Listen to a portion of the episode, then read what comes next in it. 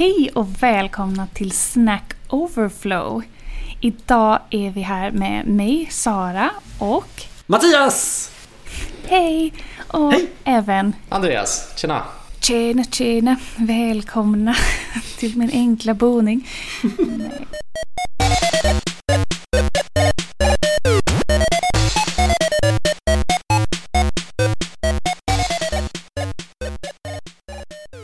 Idag så tänkte vi prata om någon, ett ämne som är intervjuteknik och intervjuer från några olika perspektiv som vi har sett i vår erfarenhet. Bland annat då att som konsult gå på intervjuer eh, och att då även hålla intervju tillbaks mot den som intervjuar dig. Samt att hålla konsultintervju för, för firman så att säga. Fick jag med alla perspektiv nu eller blandade jag ihop dem? Någon som vill hjälpa mig? Nej men vi, tänker väl så här så att både anställa till ditt konsultbolag eh, eller att gå på anställningsintervju på ett konsultbolag. Eller Mm. hålla liksom, eller så här, hålla en anställningsintervju där du jobbar. Men också om du är konsult ute på ett uppdrag att intervjua någon annan där. Precis, det är väldigt många dimensioner i det här. Många dimensioner. Lätt att, att förvirra sig. Om vi börjar på intervjuteknik. Um, vad... Att bli intervjuad. Ska vi börja där? Ja, Mm, absolut. vi. Vad uppskattar ni när ni blir intervjuade? Vad liksom... För jag är väldigt så dömande när jag går på intervju. Vad är en bra intervju? Vad är en dålig intervju? Från alltså när, när folk intervjuar mig. Hur tänker ni innan jag förklarar vad jag tänker? Jag, jag tänker spontant en väldigt viktig, svår, svår fråga med det här.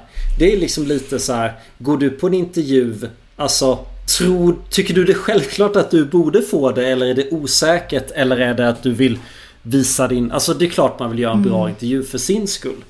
Men jag upplever väldigt... Ibland går jag på intervjuer och känner att så här, oj hoppas jag får det här.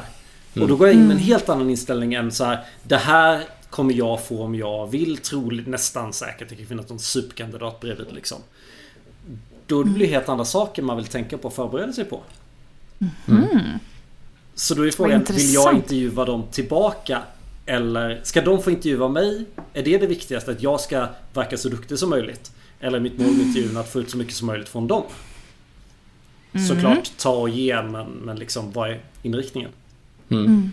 Vad tänker du Andreas? Ja, jag förstår vad du menar. Att till exempel om vi som är som konsulter och arbetsbeskrivningen är lite vag så går man ju in lite med jag har ingen aning om vad det egentligen handlar om. Och kanske då ta mer fokus på att ta reda på vad det handlar om. Än kanske en, en väldigt van och stark beställare av konsulter som kanske skriver mer i, i uppdragsbeskrivningen att det här är exakt det vi ska syssla med och det här är tekniken och förutsättningarna vi, vi behöver.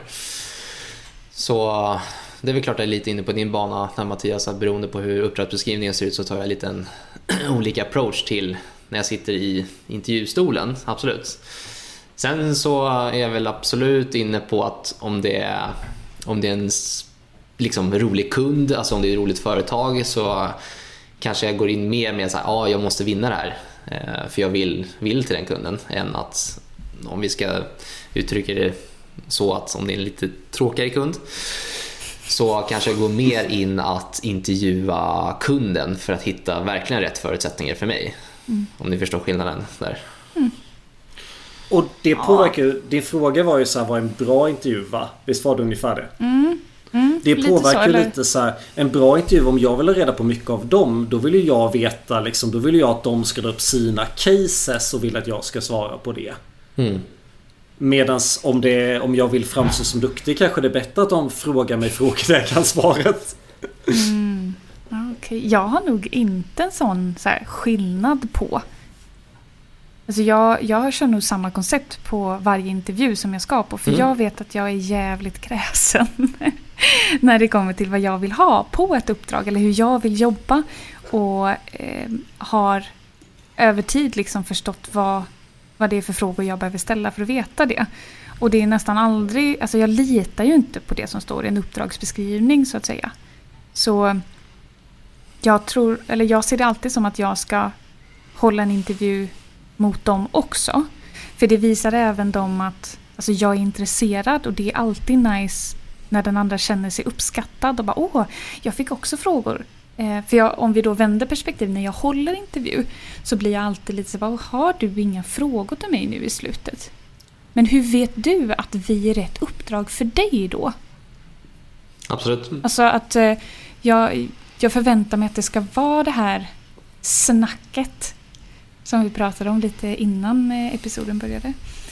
Ehm, så men vad... Ehm, men jag, först, jag, jag tolkade det som ni sa att beroende på vad ni har för infallsvinkel eller ingångskontext eh, liksom, så kommer det bestämma vad som är en bra eller dålig intervju då. Ja, alltså säg att man ska in på något superhäftigt. Då vet man ju det här. Du säger att du är pick, att du vill att mycket ska stämma. Om, vi, om mm. jag redan vet att det är ett superuppdrag på de faktorerna. Då är det ju mer mm. visa att jag är duktig nog att få jobba där. Så mm. därför menar jag att det styr mycket. Mm. Mm, jag håller med. Så jag tycker, ja. Mm. Precis. Men ofta så kan man när man då ställer de här frågorna också komma med ett svar på vad man själv tycker. Det blir ofta att man kan bonda om det visar sig då att de tycker samma sak.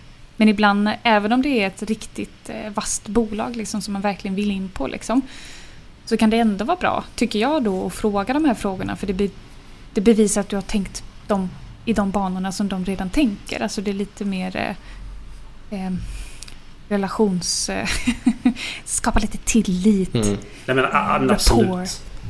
Ja. Det, här, det här är ju en inriktning, inte svart eller vitt liksom. Nej, absolut. Men, det, men jag tänker att det färgar ganska mycket. Tror jag ändå. För mig.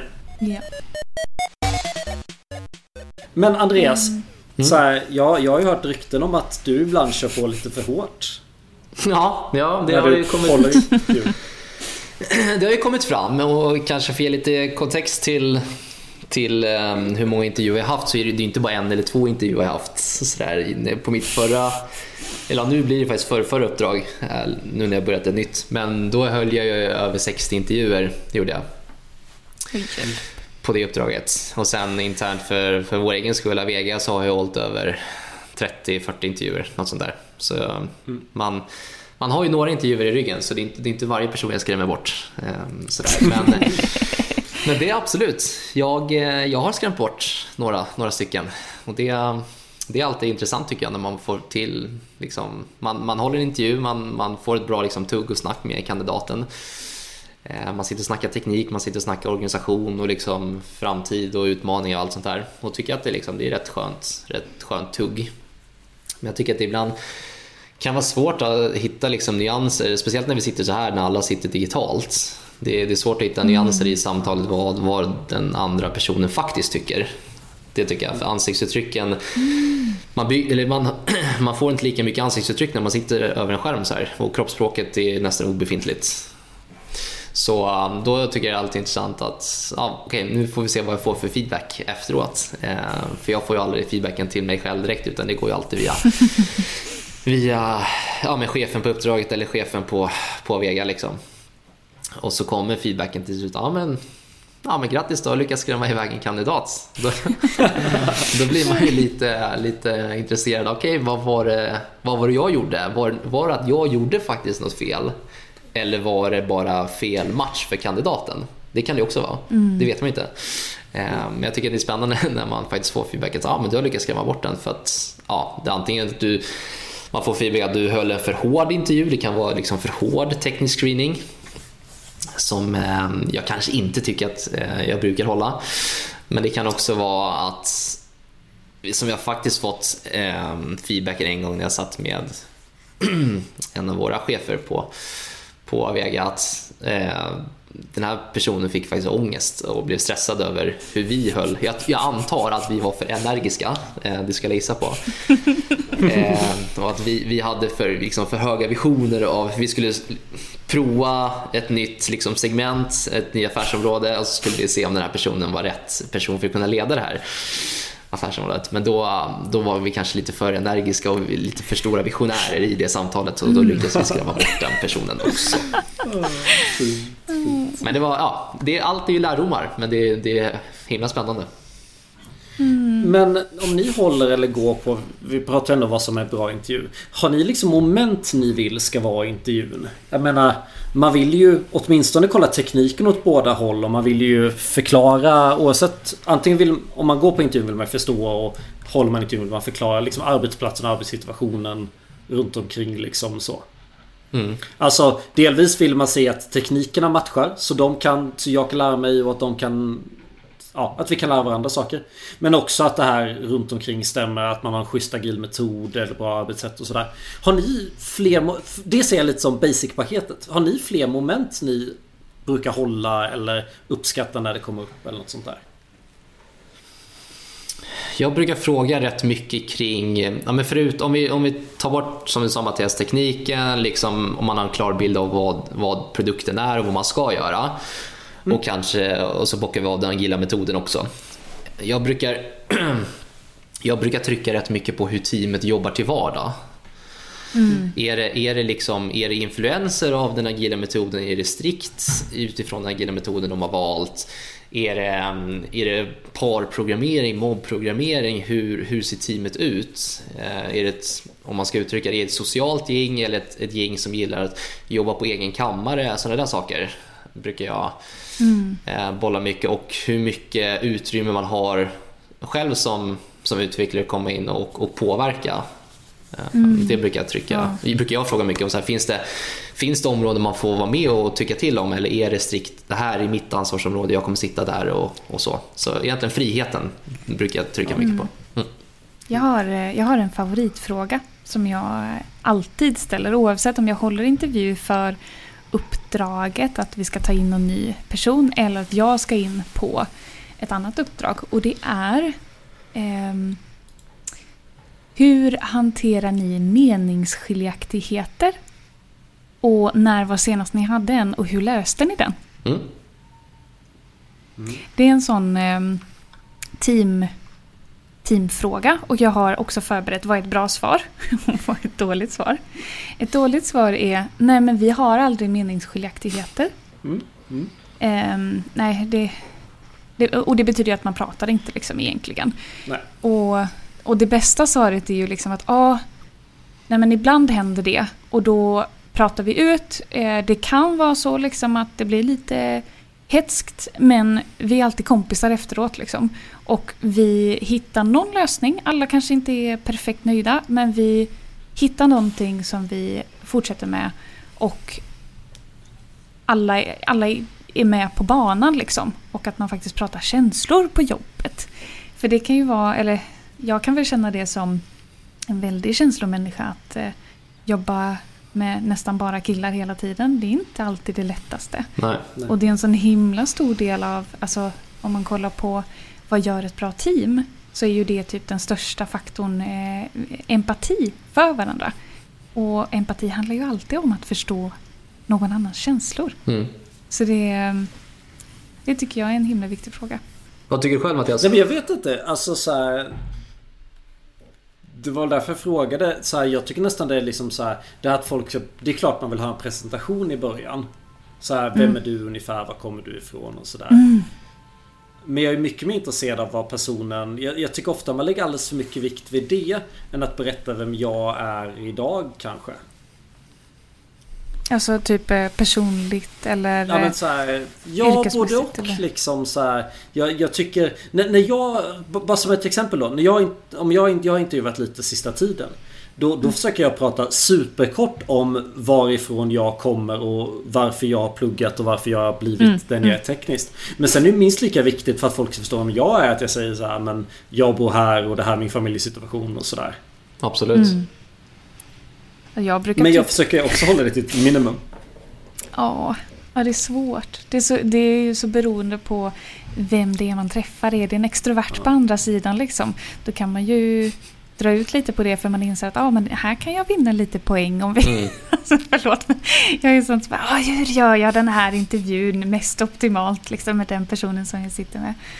Men jag kan hålla med dig Mattias. Jag kan bli så här, åh, de har ju läst någonting på mitt CV i alla fall. Liksom. Ja, Behöver jag verkligen sitta här och säga att jag har läst eh, på den här och den här skolan, de här... Alltså, ja, jag har hållit på med React och så länge. Liksom, men det är, jag tycker ju att det är mycket mer intressant att få lära känna personen bakom, bakom skärmen också. Liksom. Ja, men vad gör du? Liksom, vad har du för eh, egenskaper? Typ? Jag brukar trycka på att jag är nyfiken. Mm. Och eh, att jag är nördig som fan. Liksom. Ehm, och ge exempel typ på, så att man får liksom en lite mer utmålande bild av vem, vem man är. Så att det blir Mm. lite så här, oh ja, men den personen kan nog passa hos oss. Mm. Ja. Hur gör du det på ett snyggt sätt då? För jag är ju nästan lite allergisk mot här. Säg tre bra och tre dåliga saker med dig Ja. själv. Mm. Och, och, Ja, den är jag också ärligt talat, jag tycker nästan den du säger, hur hanterar du problem eller ja, konflikter? Den är, Mm. den är på gränsen in i den kategorin. Det är därför jag kommer att tänka på det. Ja. Okej, Ja, eh, vad är det som är på gränsen med den Ja, men frågan? att det är sån här gammal så här, Du kan nästan få upp den så här topp 10 intervjufrågor. Jaha, jag har aldrig sett den. Den har Ja. jag kommit på helt själv. Och jag har Mm. aldrig fått den. Nej? För Ja, det, att anledningen men till att jag ställer den Ja. är ju för att jag vet att jag skapar kaos ibland. Dit Ja. jag kommer. Och jag behöver ha ett team som eh, tycker att det är bra. Ja. Ja. Mm. För annars så blir det, det blir missmatch liksom. Och det är ju lite kanske någonting så här, om vi ska prata hur ser processen ut att sätta ihop en intervju. Så är det så som jag försöker göra i alla fall. Att man ser, okej men vad är det jag behöver veta om jag ska gå på intervju? Så är det så, okej men jag behöver veta att det här teamet, att jag passar in. Mm. Eh, och är det att jag ska hålla så är det tvärtom att jag behöver veta att den här personen passar in hos oss. Och då är det liksom mer ja, men tekniskt. Kan vi sälja den här konsulten hos oss på Avega? Men, eh, och det blir ytterligare andra frågor baserat på om det är intervju för uppdraget. Liksom. Mm. Och då får man ju hitta vad, vad kan jag ställa för fråga som möjliggör att jag vet att ja, den här personen passar. Mm. Men är inte det hela grej, alltså så här, Vi är ju lite inne på det, man ska pass, det ska funka tekniskt, det ska funka socialt och det ska funka arbetsmässigt. Eller vad man ska säga. Mhm. När man arbetar men inte sitter vid tangentbordet liksom. Precis. Det är väl de tre grejerna man vill landa i en intervju egentligen. Precis. Sen är det svårt hur man formulerar det utan att färga personen i så att de fattar exakt. Ja, jag ska svara ja eller nej på den här frågan jo, om du fattar vad jag menar. Det. Hur förbereder ni er för när ni ska intervjua någon då? Såklart beroende på vad men... Eller bli intervjuad. Jag brukar, om vi tar perspektivet att hålla en intervju först då. Jag brukar alltid sätta mig och gå igenom, ja men såklart nu, jag har ju hållit mest intervjuer på uppdrag. Så då är, ju, då är det ju konsultprofiler som kommer in. Och så granskar man ju dem lite. För att checka av lite um, teknik, teknikstackar och liksom försöka greppa sig en bild av vad de faktiskt har jobbat med. Det är mycket, det är mycket buzzwords men försöka tänka sig hur har liksom deras system och utmaningar sett ut i, i de här uppdragen som de har haft. Och så brukar jag försöka bygga liksom en liten mental bild av hur det faktiskt har sett ut och så ställa mycket frågor kring, kring det. Och det, det kan ju vara allt från tekniska frågor till organisationsfrågor. Det är väldigt brett egentligen. Sen eh, brukar jag gå ner lite. Jag brukar göra så att jag låter kandidaten gå igenom, liksom, de får prata fritt egentligen. De får ta upp de delarna de själv vill. Och så tycker jag att jag behöver lite fler delar så hoppar jag in och säger, ah, men kan du berätta lite om det här? Eh, sen brukar inte jag dyka så hårt på det tekniska för jag tycker att det är lite svårt med tekniska frågor för jag tycker att ställer man fel fråga så är det lätt att den, den kandidaten, ja, den kanske inte kan just den frågan och så missar man det och så ja, det blir lite svårt vad man ska ställa för tekniska frågor så jag tycker att det är mer intressant att prata teknik tillsammans. Då tycker jag att det är bättre att säga, okej men vi har haft det här problemet, hur skulle du lösa det? Och så kan man sitta och bolla liksom lösningen med varandra istället för att ställa Säg att det är en, en frontendutvecklare React och så ställer jag en superteknisk React-fråga som står långt ner i React-doxen. Det är klart jag har gjort det också. Men det är så stor risk med det att ja, men den personen har inte just bara det här, just det perspektivet och det kan inte det, ja men den kan hur mycket annat som helst och så missar man den kandidaten. Eller så bygger man upp en egen mental bild av att det här är en, en inte så stark teknisk person. Ja, men ja, ja nej, rätt fel frågor är lite svårt. Ja, precis. Jag, Men får jag ja, fråga dig en sak? Ja, slut. Eller avbryter jag dig? Nej men jag frågar ändå. För jag har en fråga som angränsar till ja, nej, rätt, fel fråga. Jag tycker ju det är jätteroligt att ställa frågan Vad skiljer en HTML P-tagg från en span-tagg? Mm. För Och den är är ju inte riktigt ja och nej utan jag vill ju testa lite förståelse där. Precis, och då är det roligt. Det, det, då ställer du egentligen en fråga som kanske öppnar upp för en diskussion och det är det Mm. jag tycker är trevligt med sådana frågor. Men jag tror att många... Jag vill- jag, jag skulle gissa på att många kanske många blir nervösa och känner sig nu, nu satte han mig på pottan. Ja. Istä- Istället för att säga, åh, här är någon som vill diskutera. Och för jag menar, det finns ju fler svar på den där frågan. Det finns fler perspektiv på den. ja, det finns väldigt få svar som är fel. Mm. Så, ja. Hur borde jag vrida den då? Eller borde jag bara lägga ner den? Nej, jag tror att, det, jag tror att frågor som öppnar upp för diskussion om kandidaten bara liksom är villig att diskutera saker. För jag tror att många kommer till intervjuer och, och förväntas eh, att det fin- svara rätt på frågan, frågor. Att där, jag får en fråga, det finns ett svar. Är svarar jag fel på den, då är jag körd. Det är så jag tror att många resonerar när de sitter och blir intervjuad. Eh, Men oftast när vi sitter och blir intervjuade eller håller intervju, vi vill ju starta en diskussion för vi vill ju göra det liksom så verklighetsanpassat som möjligt när vi sitter och jobbar sen. Att det är sådana här frågor vi sitter och diskuterar. Eh, Det, ja, jag brukar söka diskussionsytan som du gjorde med den frågan Mattias. Jag tycker också att det är intressant liksom att när det kommer till tekniska frågor att försöka titta på något tillsammans. När jag intervjuar i alla fall för så frontend-kunskap Mm. så brukar jag använda mig av eh, Zalando. Mm, jag upp Zalando och så säger jag vad, vad ser du för komponenter? Hur pratar de med varandra?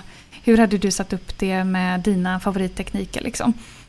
Och då kan man märka väldigt, väldigt snabbt liksom, hur, eh, hur mycket folk har jobbat även om man inte ens pratar kod utan man bara pratar om hur själva systemet ser ut. Liksom. Ehm, och eh, det är förvånansvärt liksom vad... Alltså jag trodde första gången jag skulle göra den övningen att alla ser väl samma saker som jag. Liksom. Men nej, det, det är jätteroligt roligt att se vad andra ser. Men jag har ju inte gjort det som en diskussion. Jag funderar på om det är någonting jag kan ta till mig härifrån detta samtalet. Att jag, för ibland så har det känts som att jag har grillat folk. Och det känns extra jobbigt när det är så här fråga på fråga på fråga som Ja. blir fel då. För den stackars eh, kandidaten som är ja, på intervju hos mig. Det känns ju inte bra. Det kän- Det känns ju inte bra i hjärtat.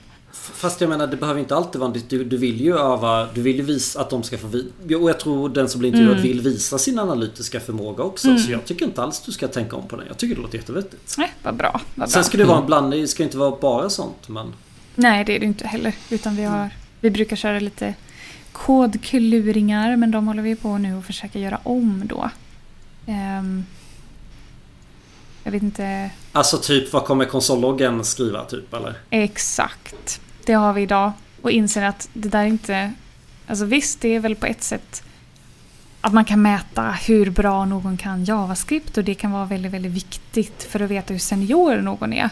Samtidigt som det är väldigt sällan du behöver använda call och apply och de där eh, bind-funktionerna idag i, i moderna ramverk. Liksom. Nej. Och eh, är det verkligen det vi vill testa på vår konsultintervju då? Kanske inte. Ehm, Tycker ni generellt att sådana där kodkluringar är bra för att mäta kompetens på en kandidat? Ja, men jag tycker det är tillbaka till att det här är en ja och nej fråga. Vi är ju lite inne på att vi vill antingen att de ska få visa att de är analytiska eller ha en schysst diskussion med dem. Mm. Jag tycker den där nästan inte är något av det. Men jag kanske tänker fel. Det beror väl på vad man vill mäta, eller? Ja, kanske. Men det, det, det känns som lite som Andreas säger att den, den riskerar att slå fel. Kan de exakt den där syntaxen? Jag menar, eh, ska man vara anställd för att kunna ett ramverk så är det väl kanske rimligt. Men då måste du hålla det ganska up to date. Men hur ska du då bedöma om att det finns en React 16-utvecklare som är grym på klasskomponenter. Men har i sitt senaste uppdrag inte fått jobba med hooks och därför inte kan Mm. use effect. Absolut. Jag kommer ihåg... Det här är ju bara Vanilla JavaScript. Mm. Så att vi är tydliga med. Men hur mycket ren det- Java? Alltså visst det är klart att skriva Nej, ren just Vanilla men det är, ju, det är ju det, det, är ju det jag säger. Att vi Ja. håller på liksom... Vi inser själva att ja, nej, det här kanske inte är det som vi vill testa. Mm. Samtidigt som jag tycker att man ska ha koll på sin Vanilla JavaScript. För att vara en, eh, en senior utvecklare i JavaScript. Mm. Det är liksom en del av hantverket. Då kommer vi också in på, på den diskussionen vi hade förra veckan. I, ja, det kommer ju bli förra veckans poddavsnitt då, egentligen bra kod versus preferenser när man sitter och faktiskt bedömer i en intervjusituation Oh yeah. vad är ett bra svar. Det är ju också intressant. Eh, Jag kommer ihåg det i alla fall på ja, två uppdrag sen då, när jag intervjuade så pass mycket som jag gjorde. Att då hade vi fått liksom ett standardiserat JavaScript-test från, från den kunden som vi skulle köra på alla kandidater. Det var, det var liksom deras riktlinje, så vi måste testa det. Um, och så satt jag och, och kollade liksom på det här testet. Jag behövde göra det själv för att jag skulle ju bedöma såklart vad, vad som var rätt och vad som var fel i, i en intervjusituation. Vi skulle gå igenom det tillsammans när, när de hade gjort det. Och då satt jag och, och kollade det här testet. Det var ju, det var ju som du säger, så, man testade liksom Vanilla i liksom, kunskapen och liksom baskunskapen i JavaScript och sådär. Um, och då tyckte jag så att det var, mång- det var inte många som klarade de här testen egentligen. Men de vi tog in senare, det, är liksom, det har varit en, eller de, ja, de bästa utvecklarna jag har jobbat med. Så jag, menar, jag, jag, jag har väldigt svårt för just kodprover på plats på det här sättet. Av den anledningen jag har sett att så här, ja, ja, de, de skårar inte jättebra på testen men sen i verkliga livet så liksom till vardags då är de de bästa utvecklarna jag har jobbat med. Men vad, vad tror du har för faktorer då att det blev så? Eller var det ett dåligt test eller? Jag tror att det var, de testade lite men så här, lite för mycket saker som du var inne på Sara som man faktiskt aldrig berör i Vanilla IS. Det är så här, ja om du har gjort det då kan du det. Men du, du sitter inte med det dagligen. Sen så gjorde nog lite kluringar, så där liksom, vad kommer den skriva ut, vad, vilket scope kommer tillbaka etc. Och, sådär. Ehm, och sånt kan ju vara lite klurigt ibland när du har tidspress tycker jag. Du ska sitta och fundera, ah, vad är det för scope vi har här nu? och så ska du testa fram och tillbaka. Ehm, du måste tänka lite och de, de har ju en tidsgräns på sig. Och då vill man ju också klara hela provet som man liksom sätter upp så här, jag måste klara hela annars får jag inte gigget. Och det är inte det heller det man, man går på, eller jag går aldrig på det, att de måste klara hela provet utan jag tycker det är mest värdefullt att sitta och diskutera efteråt hur de resonerat. Det är då man får reda på det. Nej, så jag har lite, ehm, ja men ja absolut, de, de kanske testade lite för för oanvändbar kunskap inom JavaScript om man faktiskt inte har väldigt specifika ändamål med det. Lite så. Och det jag känner att det är också någonting som ofta händer i de här testerna som man skickar ut. Liksom. Mm. Det är något formulär. Det blir ofta så att men frågorna är anpassade efter att de ska få plats i ett formulär. Eh, och eh, då blir det liksom svårt att faktiskt avgöra den tekniska kunskapen bakom. Mm. Men hur, eh, för jag har ju också när jag varit på intervju ibland fått med mig en koduppgift hem liksom. Vad tycker ni om sådana saker? Man får typ obegränsat med tid säger de alltid men egentligen så betyder det att du ska skicka in det inom en vecka. Eh, är det en approach man kan ha eller ja, har ni fått de uppgifterna Ja. också? Jag tycker egentligen sp- spontant, de kan säkert, man kan säkert anpassa det och göra dem bra men spontant tycker jag inte alls om det. Mm. Jag tycker det känns lite... Ja, jag tycker inte de oftast visar så mycket. För det, det handlar bara om hur mycket tid någon är beredd att plöja, fritid någon är beredd att plöja ner. Mm. Ja men typ. Jag Ja, känner och också det- att det det tar kan- det- alldeles för mycket tid. Det kan bero på att jag blivit bränd på en sån en gång. För att det här var... Och det här var så här sex år sedan tror jag när jag sökte jobb. Någon gång. Nej, det var- så måste det varit sju år sedan. Eh, Så det här var ju liksom när Angular JS fortfarande var grejen. React var på väg. Eh, och jag skrev någonting i Vanilla och fick minuspoäng för det var inte indenterat. På ett snyggt Nej. sätt. Här var någon, eh, någon kod-Hitler som skulle vara där och liksom bara... Oj. Ja. Ja, snällt. Så det, det, det där kommer jag aldrig söka jobb igen. Nej. Nej, det förstår jag.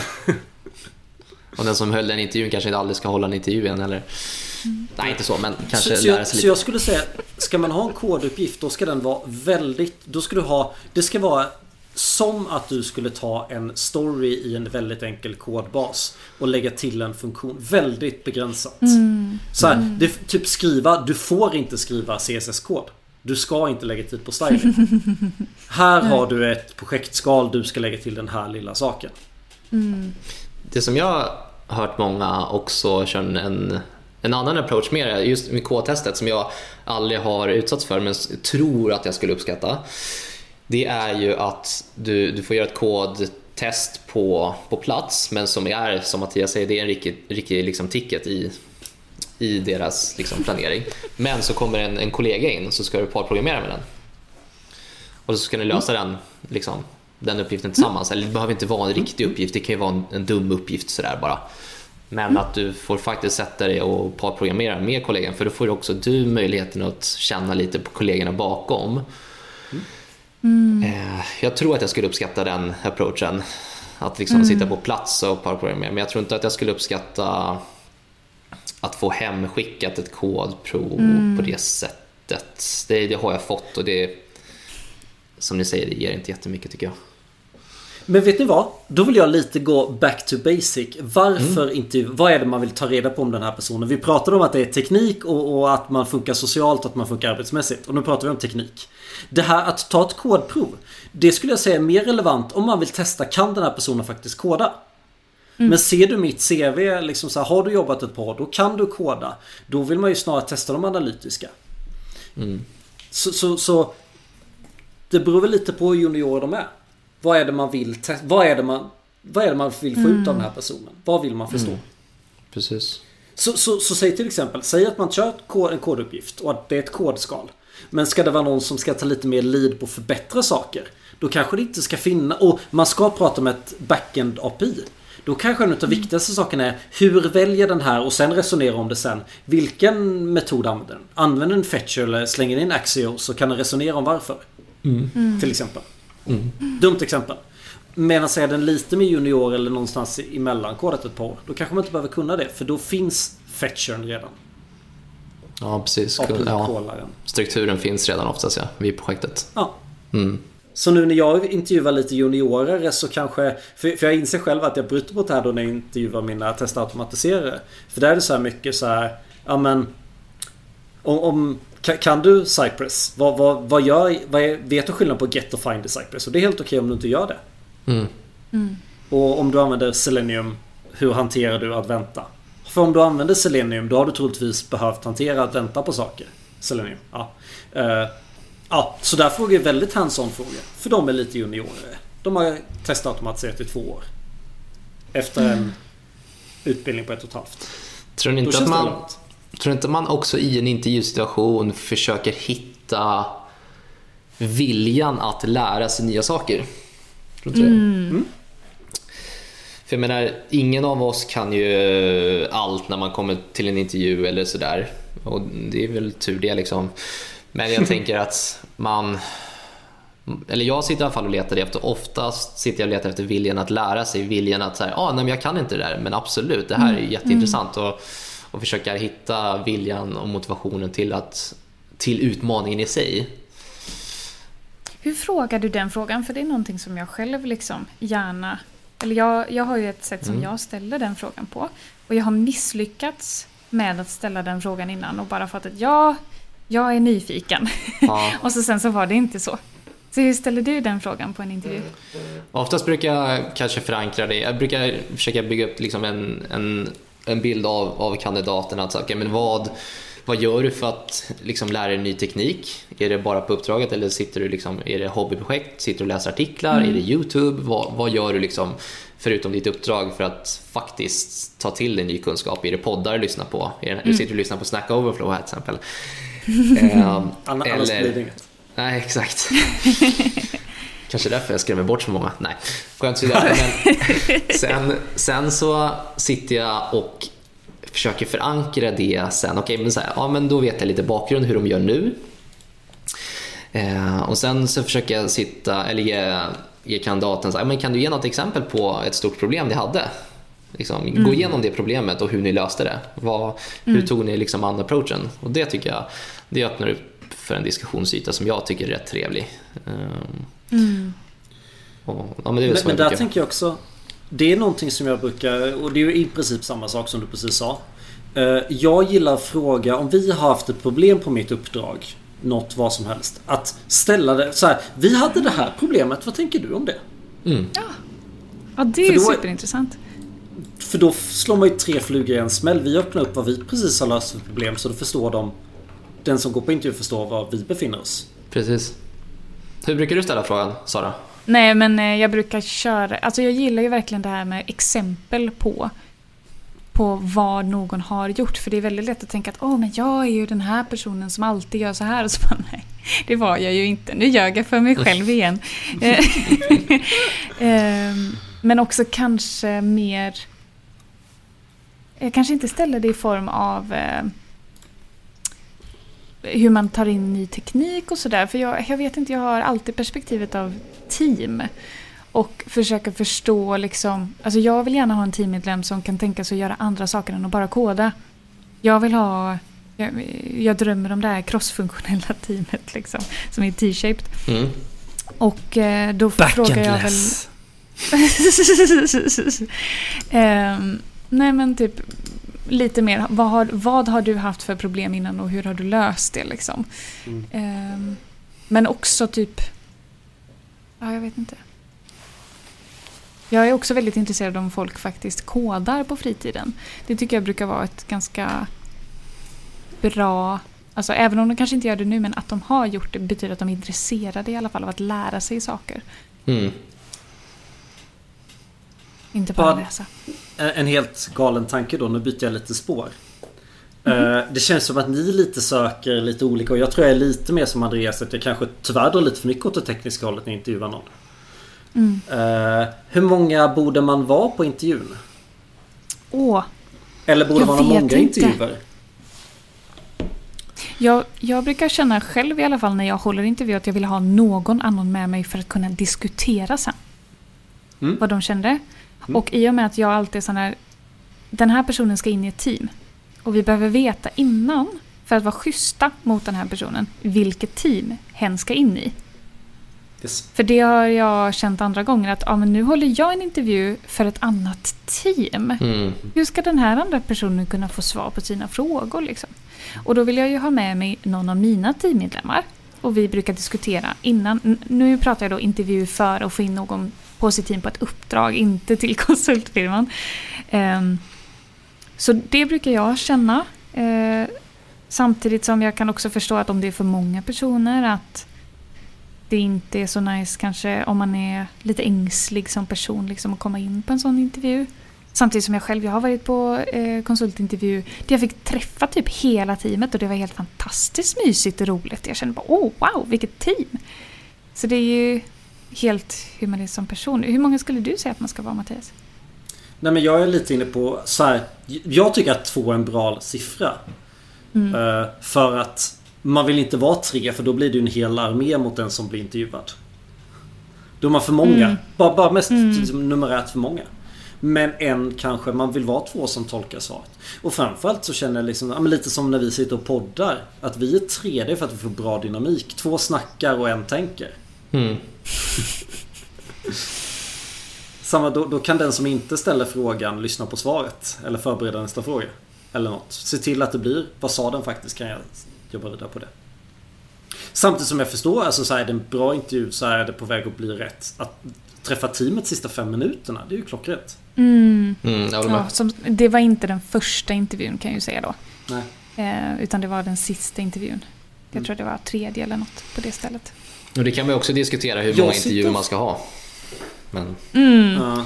Mm. jag sitter ofta själv nu för, för jag kör ofta en andra intervju då på de här testautomatiserarna. Och vi kör ett one-on-one snack liksom. Så här, ja, snack eller intervju, ja, blandat. Jag bjuder in det som snack med frågan om det inte är en intervju egentligen. Rakt upp och ner. Eh, Jag känner, delvis är det väl lite så här att det inte blir lika bra på remote i vilket fall. Men också att Eftersom att jag bara ska bedöma om den passar. Jag behöver bara bedöma om den passar på Avega och om den är bra tekniskt. Jag Mm. vet ju inte vilket uppdrag den ska handla i. Och, och Nej. att vara bra på Avega är en del av det att den kommer passa någon kund. Därför känner jag att när jag kör de intervjuerna funkar det bra att vara själv. Men skulle jag intervjua till mitt team skulle jag vilja ha med någon annan från teamet.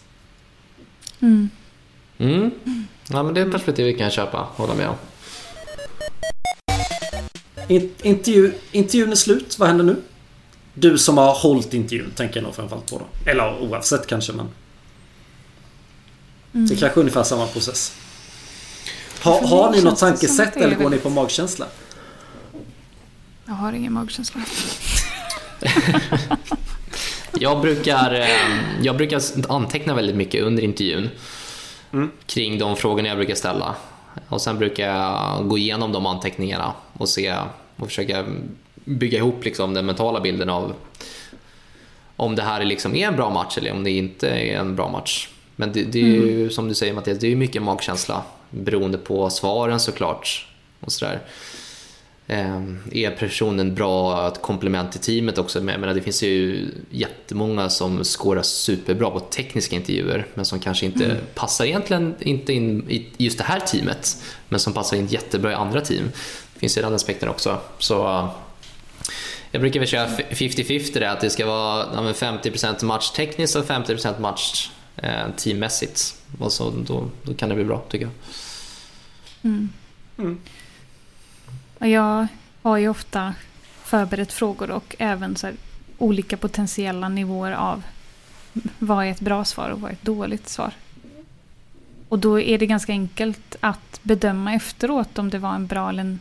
Alltså hur, hur man analyserar blir ganska mycket enklare för man har redan i förväg ändå bestämt vad det är man ska mäta. Liksom. Eh, sen så är det ju klart att man även går på... Alltså, det är jättesvårt att inte bli färgad av hur väl man själv klickade med den här andra individen. Men det är därför man ska vara två ju-. Förlåt. Vad sa du? Det är ju därför man vill vara två. Mm.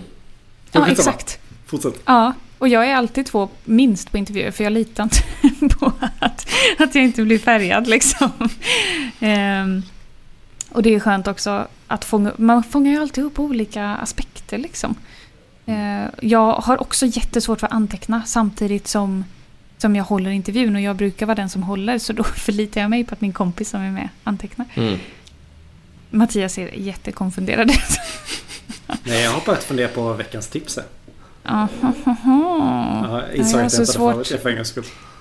Ja, jag, jag har tänkt på veckans tips, men jag vet inte om jag kommer ihåg det. Ja, men ska vi gå vidare på det då?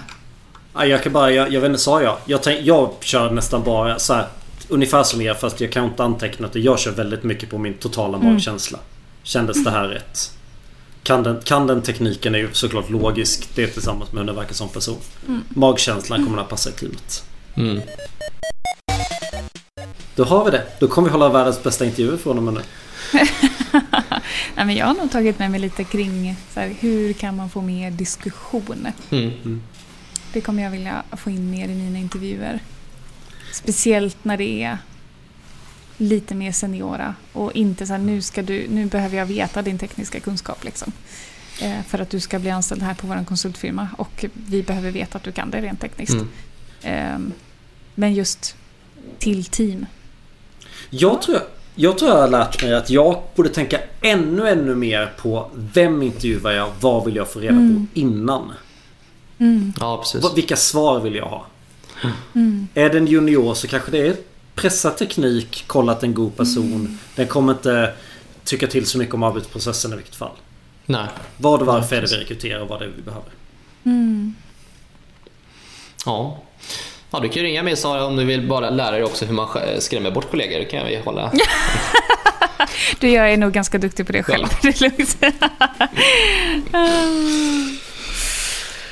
Ja, men har vi några veckans tips? Oh ja! Kör!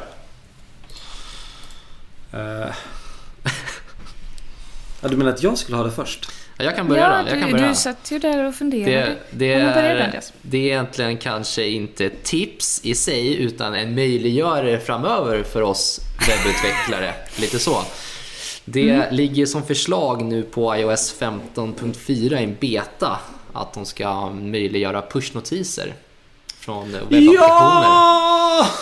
Från webben eller? Nu hör Från jag webben. hör inte vad du säger för Mattias skriker. Eh, det här har ju, ja, det har ju varit ett problem hur länge som helst eh, på iOS ja, devices. Så om det går igenom då kommer, ja det finns många utvecklare som kommer jubla då, inklusive mig själv.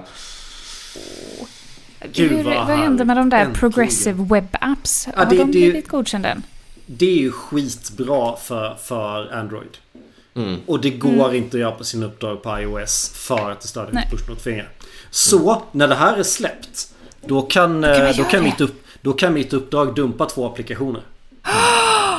Åh, Och jag behöver nu lägga fattar jag. till typ 20 rad kod. Det är, liksom, det är en så, så stor impact Sara det kan bli liksom.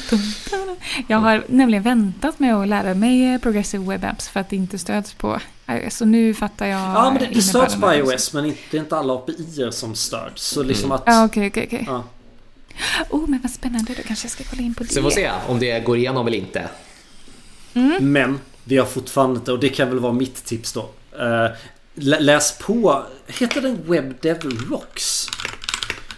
En demosida, ja precis, WebDev Rocks. Trodde jag. Det är inte Inte samma den sida här demosidan med alla coola PVAs va?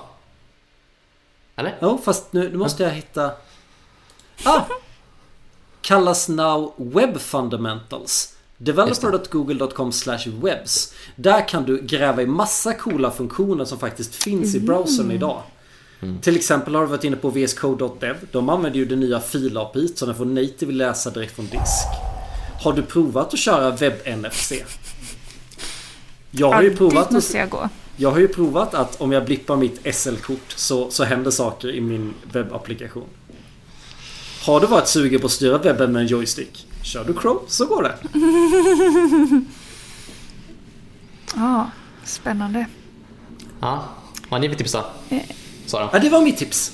Ja, jag säger vad Mattias tips. Jag, jag, eh, jag var ute på en eh, promenix tidigare idag på lunchen för jag var och hämtade en planta på posten fastän jag, jag kunde inte hålla mig. och då, så tänkte jag, vad ska jag ha för tips idag? Eh, och så kände jag bara, ja, nej okej. Jag, jag får vara den som kommer med de här mjuka värdena hela tiden. jag får väl vara den.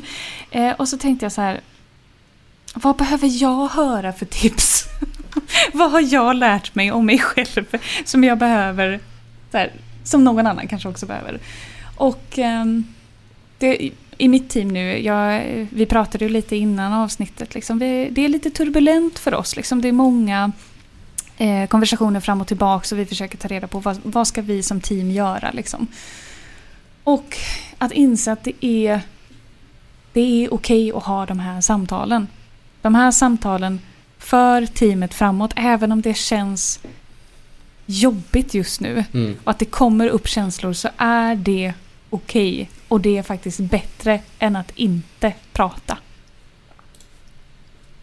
Det är, det är mitt tips. Prata mer. Var känslosam. Det är okej. Det finns väl ett talesätt som, som heter... Jag ska se om jag kommer ihåg det.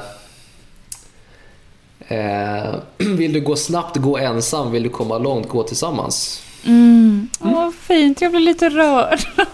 Tror jag är talesättet. Åh. Och jag, jag, jag har ju läst väldigt mycket av uh, Brene Brown eh, och hennes ledarskapstekniker. Kan jag verkligen tipsa om det. Mm. Eh, och det jag tipsade ju om hennes podd häromdagen. Men något som hon mm, säger ofta och trycker på det är ju clear is kind. Ja, Och det försöker jag eh, leva efter. Eh, och inte bara vara hastig och lustig när jag är clear utan vara också kanske vänlig och empatisk. verkligen. Eh, Fan, nu kom jag på mitt riktiga tips. Vet ni vad vi har börjat med? Det är ju inget superspeciellt. Eh, du måste... Du får aldrig... När du lägger upp en merge request måste du berätta diffen för någon annan. För då måste du högt förklara vad koden gör. Och när du förklarar det på ett annat sätt än vad koden är. Vi, vi har alltså så här, så här, om vi har, om vi har parallel på Prometheus så gör vi såklart inte det. Men om någon kodat något själv. Alltså rubberducka när vi merge requestar. Fast för annan Alltså i, i själva... Alltså i ett samtal? Eller i skrift? Nej, nej, eller... ringer upp, ringer upp varandra men kollar på merge Ah, nice! Och då, och då alla fokuserar på, okej, du säger det här men det står det här. Kan vi skriva Exakt. om det till det du nu säger? Mycket bra. Mm. Jag gillar det. Den Ja, det det funkar vill jag skitbra göra. hittills. Kul. Då säger vi så då. Det gör vi. Ha det bra. Hej! Hej då! Hej. Thank you.